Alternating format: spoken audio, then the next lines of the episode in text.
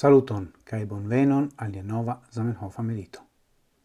Hodiau mi volas legi cae mediti con vi sur gazetta articolo el lingvo internazia e la iaro 1903 kies titolo estas pri la mistera contracto. cae mi legos parton la fino el pagio ducent dudexes.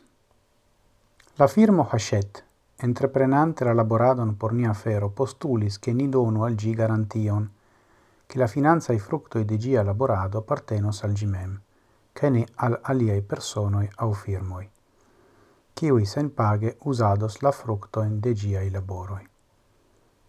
La firmo si strebone, che ciuin raito in de mastro en la fero Esperanta mi forgetis de mi.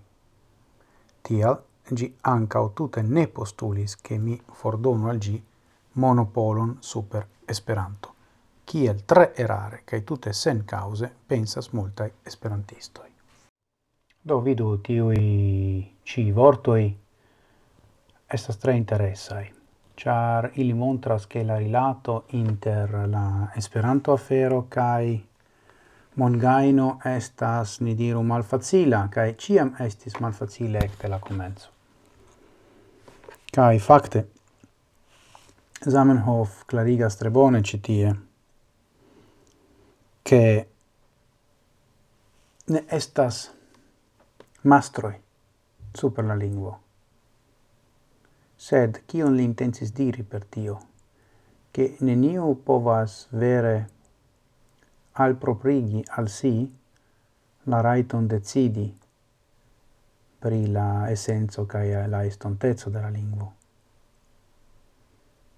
Se tio ne signifas che ciui esperanto parolantoi estas egalai facte, char quelcae estas en uh, posizioi ciui povas influi la lingvon. Cai mi pensas che citiu problemo della rilato inter la Esperanto mondo kai mongaino estas ancora tre attuala, mi pensas.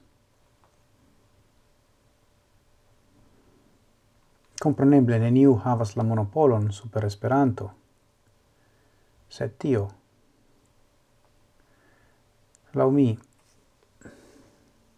Tio facta estis laumila basa chialo malanta o la decido liberigi la lingvon en tute de ideologioi cae de mastroi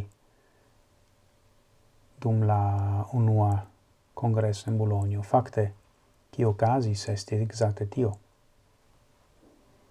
Cae tio casis du jaroi post citiu grava evento en la tiama